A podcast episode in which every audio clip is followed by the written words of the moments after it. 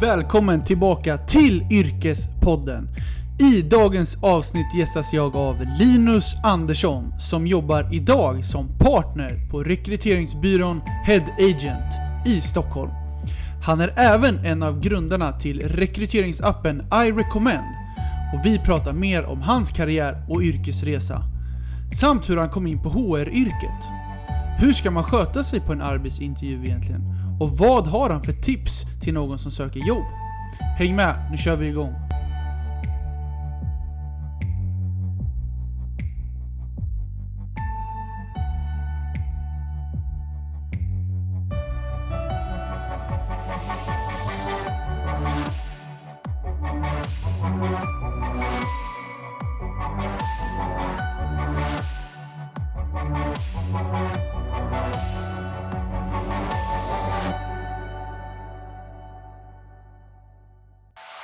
Välkommen till Yrkespodden Linus. Tack. Hur är läget? Det är bra. Det är full fart, men på ett bra sätt. Perfekt. Vem är Linus? Vem är Linus? Uppvuxen i Sollentuna då. Bott i Stockholm nu några år. Ja, mitt yrkesliv nu så, eh, om vi ska komma in på det kanske. Så har jag två jobb kan man säga idag. Eh, Ett på ett headhuntingföretag och ett på eh, ett bolag som jag själv har startat för snart två år sedan. Som är ett teknikföretag eh, inom rekrytering också. Häftigt. Men du i Sollentuna då, var det där du gick eh, gymnasiet och så eller? Det stämmer. Vad gick du då då? något som heter idrottsledare. Eh, jag vet inte om den utbildningen finns kvar idag, men eh, vi skulle förbereda oss att bli idrottslärare. Jag tror inte det är någon av oss som jobbar som det är idag. Men vi var ett gäng som var väldigt idrottsintresserade och eh, hade väldigt kul ihop. Och eh, kanske var lite av skolans töntar. Vi spelade fotboll på rasterna och sådär, trots att vi var 17-18 år. Okej. Men du, eh, gymnasiet är ju en speciell period, men eh, när man är klar med gymnasiet, när man har tagit studenten, då finns det ju mycket man kan göra. Eh, vad gjorde du efter studenten? Var det jobb eller var det resa? Eller vad gjorde du? Dagen efter studenten så åkte jag till Tyskland på fotbolls-VM i en liten Mazda med fyra kompisar. Men sen så började lumpen ganska kort efter det. Okej. Det gjorde jag som militärpolis eh, på häst, eh, så det var något nytt för mig. Vart eh, gjorde du lumpen någonstans? Det var dels eh, på K1 heter det på Lidingövägen och sen i Kungsholmen så vi pendlade lite mellan dem. De. Så du var ändå här i Stockholmsområden? ja. För jag vet ju, jag pratade ju med Us, han fick ju åka upp ända till Boden och Mm. göra massa Mm. eh, härliga grejer där uppe. Men Ja. det var ganska nära dig då alltså. Det var lite mer glamoröst här. Hur var lumpentiden då? Vad, vad kan du ta med för erfarenheter från det? Eh, jag vill absolut inte ha det ogjort, men jag skulle absolut aldrig göra det igen. Så, ehm, ja men, jag brukar tänka det ofta när, när man har jobbet på jobbet eller när det är mycket och, och man känner att eh, vad fan håller man på med? Jag brukar tänka, ja ja, jag ligger i alla fall inte ute i, och fryser i regnet. Och då känner jag mig lite bättre ganska snabbt. Det var, lär ju vara en skola i alla fall som man lär sig lite disciplin. Jag har ju själv inte gått lumpen. Jag, det var ju inte obligatoriskt för mig. Var det där för Mm. dig? Ja, men man fick välja, men det var ju plikt så. Men Okej. eh, det var, hade jag sagt att jag inte vill så hade det nog gått att lösa. Ja, okej. Men eh, det är ju som sagt mycket disciplin man får lära sig. Och känner du att du kan ta till det som du lärde dig i eh, militären till yrket idag? Tror att det var nästan för länge sedan för att jag skulle kunna resonera så, men det som, är, som jag inte kan förstå är hur vi bara helt blint lydde de som sa åt oss att göra saker. Eh, och jag tror absolut inte att jag skulle vara en lika bra ja, men att jag skulle göra mig lika bra där idag, för jag skulle nog vara mycket mer kritisk och ifrågasättande och motsträvig. Men det var inte då, det var väl tur för alla kanske. Här får man straffarbete hela tiden. Men du, eh, efter lumpen då? Vad gjorde du då? Då, eh, först så jobbade jag ett halvår på en, en skola som assistent och idrottslärare faktiskt. Men, ehm, och då hjälpte jag barn som var sju år ungefär. Och då var jag assistent åt två av dem som hade ja, lite svårigheter. Sen efter det så var jag ute och reste eh, ett halvår. Sen när jag kom tillbaka så jobbade jag ett halvår till på den här skolan då. Och det, det brukar jag tänka idag, med det jag jobbar idag, att det är superkul, jag lär mig jättemycket men jag kommer aldrig mer i mitt yrkesliv få ut så mycket av, eh, få så mycket eh, på det sättet som jag fick där. Så jag, ja men ibland så börjar så, ja, funderar jag på att, ja men kanske ska ta ett sabbatsår inom citationstecken och um, gå tillbaka dit, för det gav väldigt mycket. Eh, något som var viktigt på riktigt, vilket mm, kanske inte det man gör idag är på det sättet, men viktigt på andra sätt, eh, som jag mår bra av. Men, Jag förstår. Men eh, sen så var det ju dags för studier, antar jag. stämmer. Vart har du studerat? Uppsala. Eh, Var det ett självklart val, Uppsala? Eller har du, hur tänkte du kring det? Ja men ganska, det ligger inte allt för långt härifrån. Jag hade någon kompis som hade varit där uppe och som var nöjd. Så jo men det var ganska, ganska enkelt faktiskt. Och eh, hur var det med att resonera kring vad man skulle plugga då för dig? Vad, Mm. Hur tänkte du där? Så här i efterhand så känns det som att jag inte tänkte alls. För eh, jag gick väl lite på mina fördomar så. Och först så tänkte jag, ja men ekonomi är ju bra. Men min nidbild av ekonomerna var att de var eh, investmentbanker och hade kostym och fin portfölj och eh, lite stroppiga. Trodde jag då, det här var då 2007 kanske. Och så tänkte jag att men beteendevetenskap och så, det är ju intressant men blir det inte lite fluffigt och för långt ifrån företagande och affär och så vidare. Och så tänkte jag att men det kanske finns en mellanväg och det tyckte jag då var HR. Så att det var verkligen ett, inte ett analyserat, genom, genomtänkt beslut så, utan det här verkar kul. Jag hade någon som, hade, som jag kände som, som hade pluggat det eh, och tyckte att ja, men det, det är väl en bra, en bra början så. Var du, när du skulle komma in på just Uppsala, eh, förresten, det är ju rätt svårt att komma in på Uppsala, Mm. vad jag vet. Mm. Eh, hur, hur, du kom in direkt eller hur, hur gick allt till? Nej, men jag tänkte att jag hade hyfsade betygen då från, från gymnasiet. Men eh, just personalvetarutbildningen är, vad då, jag tror den är fortfarande jättesvår att komma in på. Jag vet inte varför, för den är inte så svår att klara. Så jag sökte in på ett samhällsvetarprogrammet, heter det. Och då fick jag, för att sen kunna läsa samma kurser, så jag fick liksom samma examen. Eh, men jag tog som en, en, eh, ja, men en genväg eller en... Eh, Jag ja, fattar. så. Mm. Det är jättebra att man kan göra så faktiskt. Mm. För att alla kommer ju inte in på linjerna. Eh, och då, då kan man ju ta den här kluriga vägen men ändå läsa samma kurser. Exakt. Jag precis. Men, eh, just det, personalvetarprogrammet, heter det så? Ja, precis. Och det är en treårig utbildning. Exakt. Men om du gick alla de här kurserna, om du Mm. skulle beskriva lite för lyssnarna nu Mm. vad, vad, vad utbildningen handlar om, om du kan dela upp de här i ett, och två och tre år. Vad händer i början? I början så läser man eh, ganska mycket eh, ja, men relativt flummiga kurser, eh, beroende på hur man ser det. Pedagogik, sociologi, psykologi, de typerna av eh, ämnen. Och eh, sen lite längre in i, i studierna så väljer man något av de ämnena att eh, specialisera sig på. Men man, lär sig, man läser också ek- lite ekonomi, en del arbetsrätt eh, också. Eh, men det jag skulle säga om, om Uppsala, det är en ganska så här akademiskt universitet. Det kändes väldigt mycket som så här, forskningsförberedande eh, och inte så mycket praktiskt. Eh. Så beror lite på vad man, vad man läser, men jag kände väl att det var superkul att vara där. Jag lärde känna väldigt många fantastiska människor och jag skulle inte vilja ha det ogjort så. Men jag tror att jag skulle kunna lära mig lika mycket på ett halvår som jag gjorde på fyra och ett halvt år som jag läste där eh, ibland. Så det, kän, det känns lite mer som ett, ett kvitto på att man är ambitiös snarare att, eh, än att man har lärt sig jättemycket saker som man sen kommer ha användning för. Nu kanske det är generellt för, för just personalvetarprogrammet. Eh, så. Sen är det, nog många som inte håller med mig här, som kanske går på andra universitet som inte känns så teoretiska som Uppsala. Men i och med det så valde jag att efter jag tog min eh, personalvetarexamen att läsa ekonomi också. Så jag har eh, så jag läste det ett år. Och det var lite mer konkret. Jag tyckte det gav mig lite mer, men fortfarande ganska, ganska teoretiskt. Men i år ett då, börjar man väldigt hastigt eller är det, är det väldigt lugnt i början? Är det mycket tentor eller vad, vad kommer du ihåg från första året? Mycket fest första Mycket året. fest, ja. Och eh, alltså, som jag minns det så i början så var jag nog ganska, ja men då försökte jag läsa det man skulle läsa och ja men ändå göra det på det sättet som, som eh, föreslogs så. Sen inser man, eller insåg jag efter ett tag att, att läsa de här böckerna, för mig funkar inte det eh, så bra för att jag vet inte, jag läser väl kanske för långsamt och, och kommer ihåg för lite.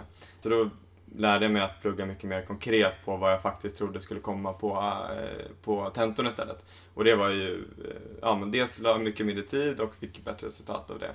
Så i sista året tror jag, då, eh, då gjorde jag allt, alltså då hade jag som plan att, i vanliga fall så är ju kurserna i fyra veckor. Och eh, de första två veckorna, då får jag inte plugga. Jag kanske gick på, på eh, föreläsningar och så. Men jag bestämde mig för att ingen plugg första två veckorna utan ha, ha kul och, och göra annat och eh, ja, men, jobba lite och sådana saker istället. Och sen de sista två veckorna eh, plugga, plugga järnet. Eh, så då fick man ju, eh, ja men då började jag må mycket bättre i plugget och hann med massa annat också. Det gäller ju att hitta sin egna rutin och alla har ju så olika pluggrutin. Men jag, jag kan faktiskt instämma lite själv där. Eh, när du pratar om att man kan göra lite annat och sen fokusera mot slutet. Mm. Funkar för vissa, funkar för eh, inte vissa. Mm. Eh, men jag tänkte i alla fall fortsätta där på, på år två och år tre. Vad gör man? Jag antar att man skriver en uppsats och sådär Mm, i trean. mm. Eh, är det något mer du vill ta med från tvåan som, som du kommer ihåg? Eh, nej, jag tror inte jag minns så mycket av eh, vad som hände när kanske. men, eh, men tredje året så skrev man ju uppsats. Och då, då åkte vi faktiskt till Sydafrika, jag och en kompis. Och skrev, eh, gjorde intervjuer där och bodde där ett tag. vad skrev ni om då? Oj, vi skrev om anställningsbarhet i, inom HR tror jag till och med. Mm. Eh, nu kommer jag inte alls ihåg vad det renderade ut i. Men eh, Men Sydafrika, det var ju ändå häftigt. Mm. Hade, hade de eh, något samarbete med universitetet där eller? Nej, det var på eget bevåg. Ehm, så ehm, vi gjorde en del intervjuer i Sverige och sen så åkte vi dit och intervjuade och så gjorde vi liksom en jämförelse mellan Sydafrika och, eh, eh, och Sverige. Ehm, och då intervjuade vi HR-chefer på olika bolag. Okej, och vart i Sydafrika var ni då? då? Eh, först bodde vi ett tag i Kapstaden och sen reste vi eh, längs kusten upp till Johannesburg. Eh, så det var ju lite kombination av kanske eh, lite upp, upp, eh, upplevelse och Men Sverige, som du sa, ni intervjuade Sverige, eh, HR-chefer i Sverige och ni intervjuade HR i, i Sydafrika. Mm. Det måste vara en massa kontraster där. Det måste vara väldigt olika kulturer. Mm. Berätta lite, vad, vad fick ni lära er då? Ehm, alltså framförallt hur, hur liksom närvarande hela apartheid och allt, eh, allt som hände. Det var inte så länge sedan, det är lite mer än 20 år sedan det är väl, som, eh, som det faktiskt eh, var liksom väldigt, ja men fortfarande gällde. Eh, så det levde ju kvar väldigt mycket av det vilket också påverkade eh, folks anställningsbarhet och he- hela reglementet och hur man jobbar med att eh, eh, att ta sig därifrån. Så. Eh, så det var nog mer påtagligt än vad vi trodde att det skulle vara. Eh, nu minns jag inte resultatet av, av eh, vår uppsats så, men, men det var både skillnader och likheter som vi tyckte var eh, intressanta. Det känns som att eh, Sydafrika, just Johannesburg heter det väl, och eh, Kapstaden. Mm. Känns som att det cirkulerar väldigt mycket just kring de städerna. Mm. Men allt annat i Sydafrika, det har jag ingen Mm. koll på. Har du det eller? Alltså, nu är jag, jag reste ju längs kusten där, eh, så jag, stannade ju på massa ställen och, och, ehm, och så. Men vi intervjuade ingen där. Det är ju själva liksom, businessen sker ju framförallt i Johannesburg. Ehm, men också i en del i Kapstaden. Jag vet ju att eh, Sydafrika där, jag tror det är Johannesburg, det är, ju, det är ju också väldigt kriminellt där nere, är det inte så? Beror på hur man, hur man ser det. Ja. Eh, vi, vi var i Soweto som är ett av de största liksom, eh, kåkstäderna i världen. Eh, och eh, ja, men var med en som, som bodde där, som, som var guide också. Eh, och hälsade på i hans liksom, plåtskjul och, och eh, cyklade runt med så här, jättefina cyklar till olika ställen. Så ställde vi cykeln utanför eh, där vi gick in, låste dem inte, superfina cyklar, var inne och frågade guiden, men vi ska inte låsa? I, varför det?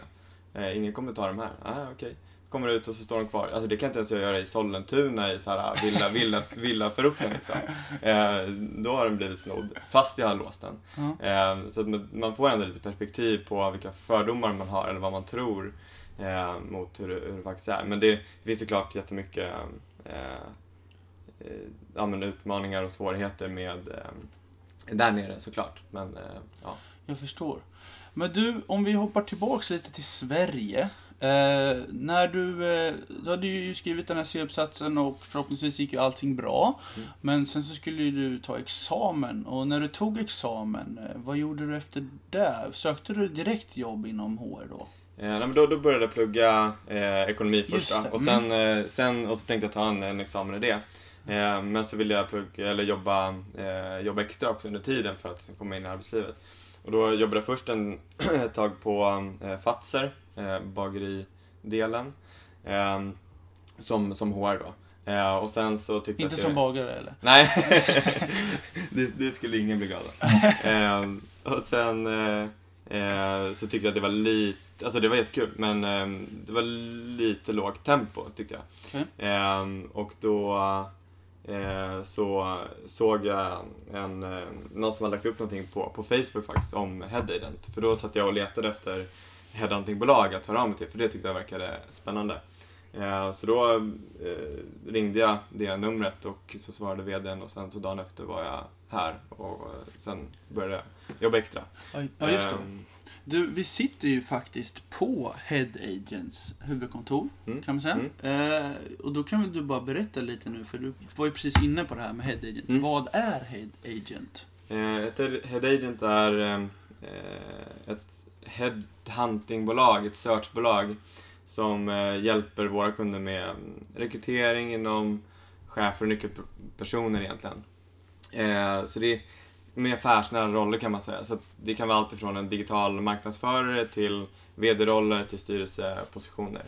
Eh, Så det, det vi gör är alltså inte eh, så annonsrekrytering, alltså att vi, vi tar emot ansökningar, utan att vi aktivt söker upp personer vi tror passar för en viss roll och eh, förmedlar den kontakten till våra kunder. Och hur hittar ni dem då? Använder ni Mm. några plattformar eller några sociala medier? Vad, vad händer?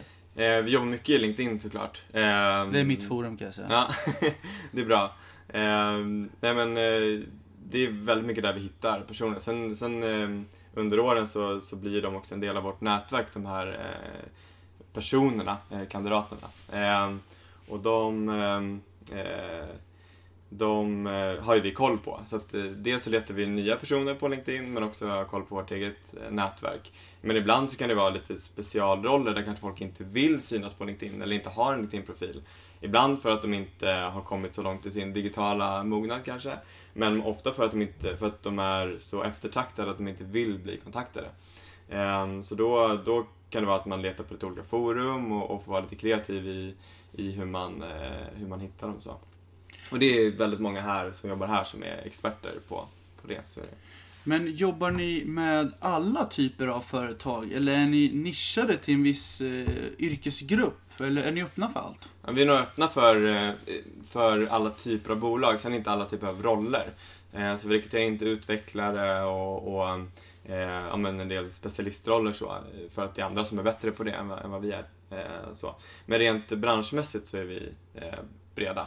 Eh, så Det har blivit så att vi har jobbat med ganska starka, starka varumärken, för det är lite lättare att attrahera kandidater då. Men eh, vi, inte, vi, inte, vi har inte nischat in oss på en viss industri. Så. Och vi, om vi går in på din titel då i företaget. Du, du, du titlar dig själv som partner. Mm. Vad, vad gör man då? Eh, man kan göra olika saker. Eh, så partner är mer en, en, en benämning på att man får vad ska man säga, ha ja, men lite mer inflytande, eh, påverka hur man driver bolaget och, och ta del av när det går bra. Eh, just min, min roll i, i bolaget nu har de senaste åren varit mycket affärsutveckling. Eh, så jobbat med, eh, med projekt som vi tror ökar eh, vår tillväxt egentligen. Eh, och mycket försäljning. Eh, så. Så att, ehm, eh, och idag då så, eh, så ja, har jag, gör jag inte lika mycket på Hedden som jag kanske gjorde för, för ett tag sedan i och med att jag också har eh, det andra bolaget. Då. Men du började med att rekrytera antar Mm, jag. mm, så du hade mm. mycket rek- rekryteringsprocesser. Och det här ska vi gå in lite djupare på Mm. just nu. Eh, och, då tänker jag så här att vi ska börja från, eh, vi ska ta två olika perspektiv. Mm. Eh, och det är så här att det första perspektivet vi ska gå in på, det är eh, din roll Mm. när du sitter och rekryterar. Vad du tänker på, vad du ställer. Mm. Den andra perspektivet är vad den som ska bli anställd ska tänka på Mm. när den kommer till en arbetsintervju. Mm. Så vi börjar, vi börjar med ett, med att berätta vad, vad är din roll innan du ska rekrytera? Mm. Ehm, med, om vi börjar liksom från början när vi börjar hjälpa våra kunder så handlar det väldigt mycket om att, att eh, fråga dem såklart vad letar vi efter och vad, vad ska ni ha och varför. Eh, men sen också eh, vad kommer man till? För det, idag är det minst lika viktigt som vad vi letar efter för att folk sitter ofta bra där de är idag, framförallt om vi tar kontakt med i och med att vi eh, jobbar uppsökande. Eh, så mm, väldigt mycket fokus på liksom, vad, vad kommer man till? Vad är USParna med att jobba på det här företaget? Vad, vad, vad får man eh, i form av utveckling, ledarskap? Eh, alltså så här, vad, vad, varför jobbar de som jobbar här idag eh, här? Vad, vad, är, vad är fördelarna? Så väldigt mycket fokus på det, kanske mer än vad man, eh, än vad man, eh, än vad man tror. Och sen, eh, sen blir nästa steg att, eh, att leta upp de här personerna. Första, först är ju att ta en telefonkontakt och hålla en telefonintervju. Ehm, och sen att träffa de som är de som vi tycker är bäst. Så. Ehm, och just intervjudelen, om vi går in på den, så om jag skulle ge ett tips till de som intervjuar så är det att be om exempel. Ehm, för det är väldigt lätt för många att eh, ja, men prata om hur, vad man har gjort och hur, hur bra man har gjort det, men det blir väldigt tydligt eh, när man ber dem ge exempel från början till slut, för hur de har varit involverade. Ehm, eh, och ja, men gå in på djupet där och inte nöja sig med att någon säger att det där, det där kan jag. Eh, det är väl det eh, som jag har med mig mest utifrån de eh, hundratusentals, eller så, intervjuer som jag har haft. Eh, inte hundratusentals, utan hundratals kanske. Eh, men, ja, det är väl det Ja, men det är jättebra tips.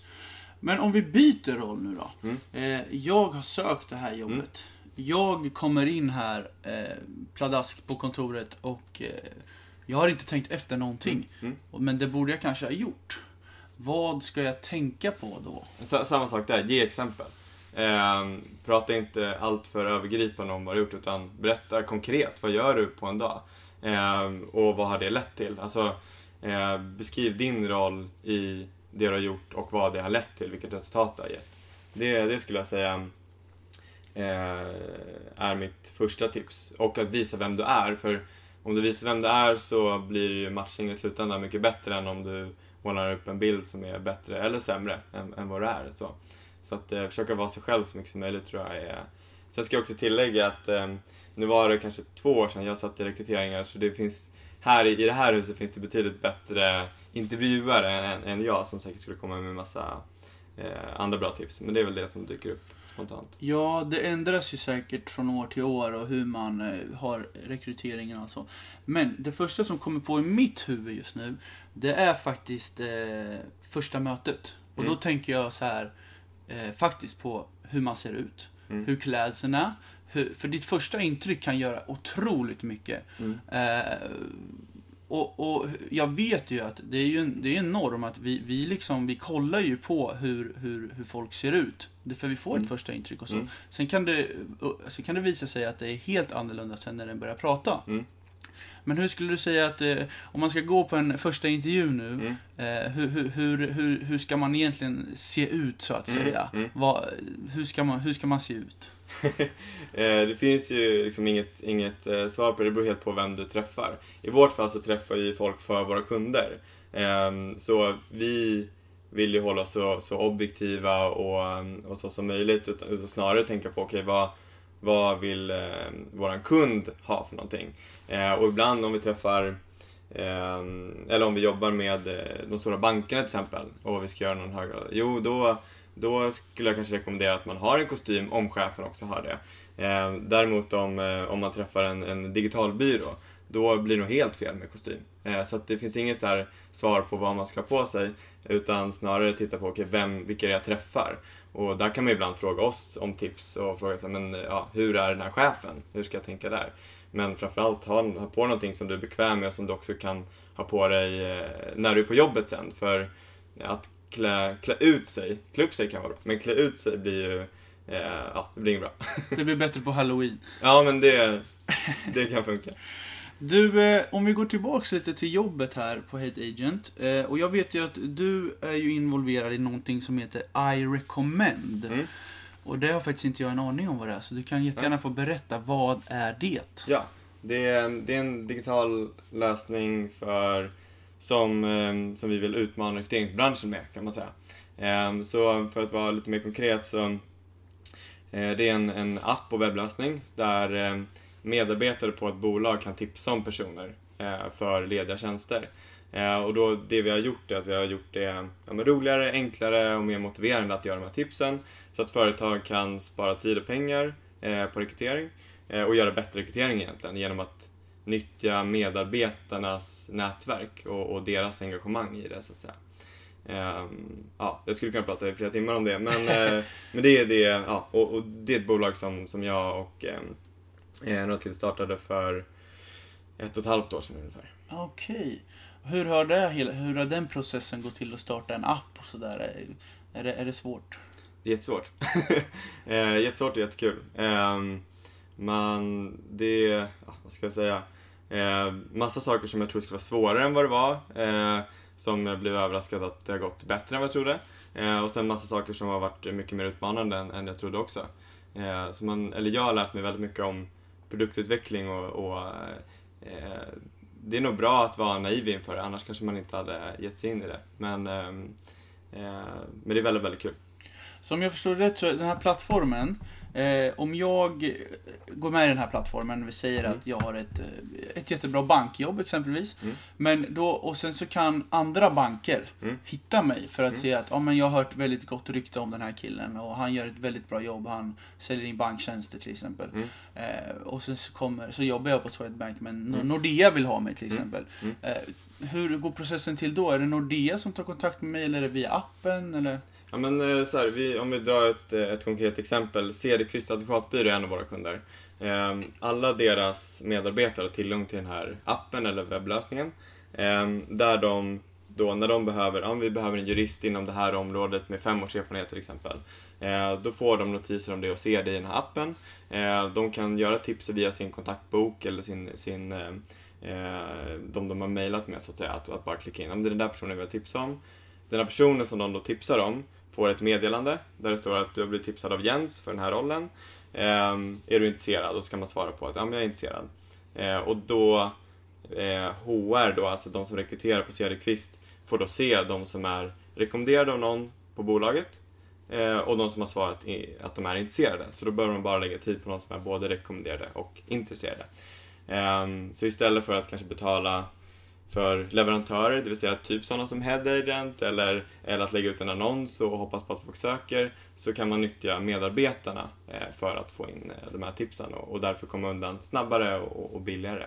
Eh, och förhoppningsvis göra bättre rekrytering också i och med att de är någon som känner dem, som jobbar där också, tycker att de är duktiga.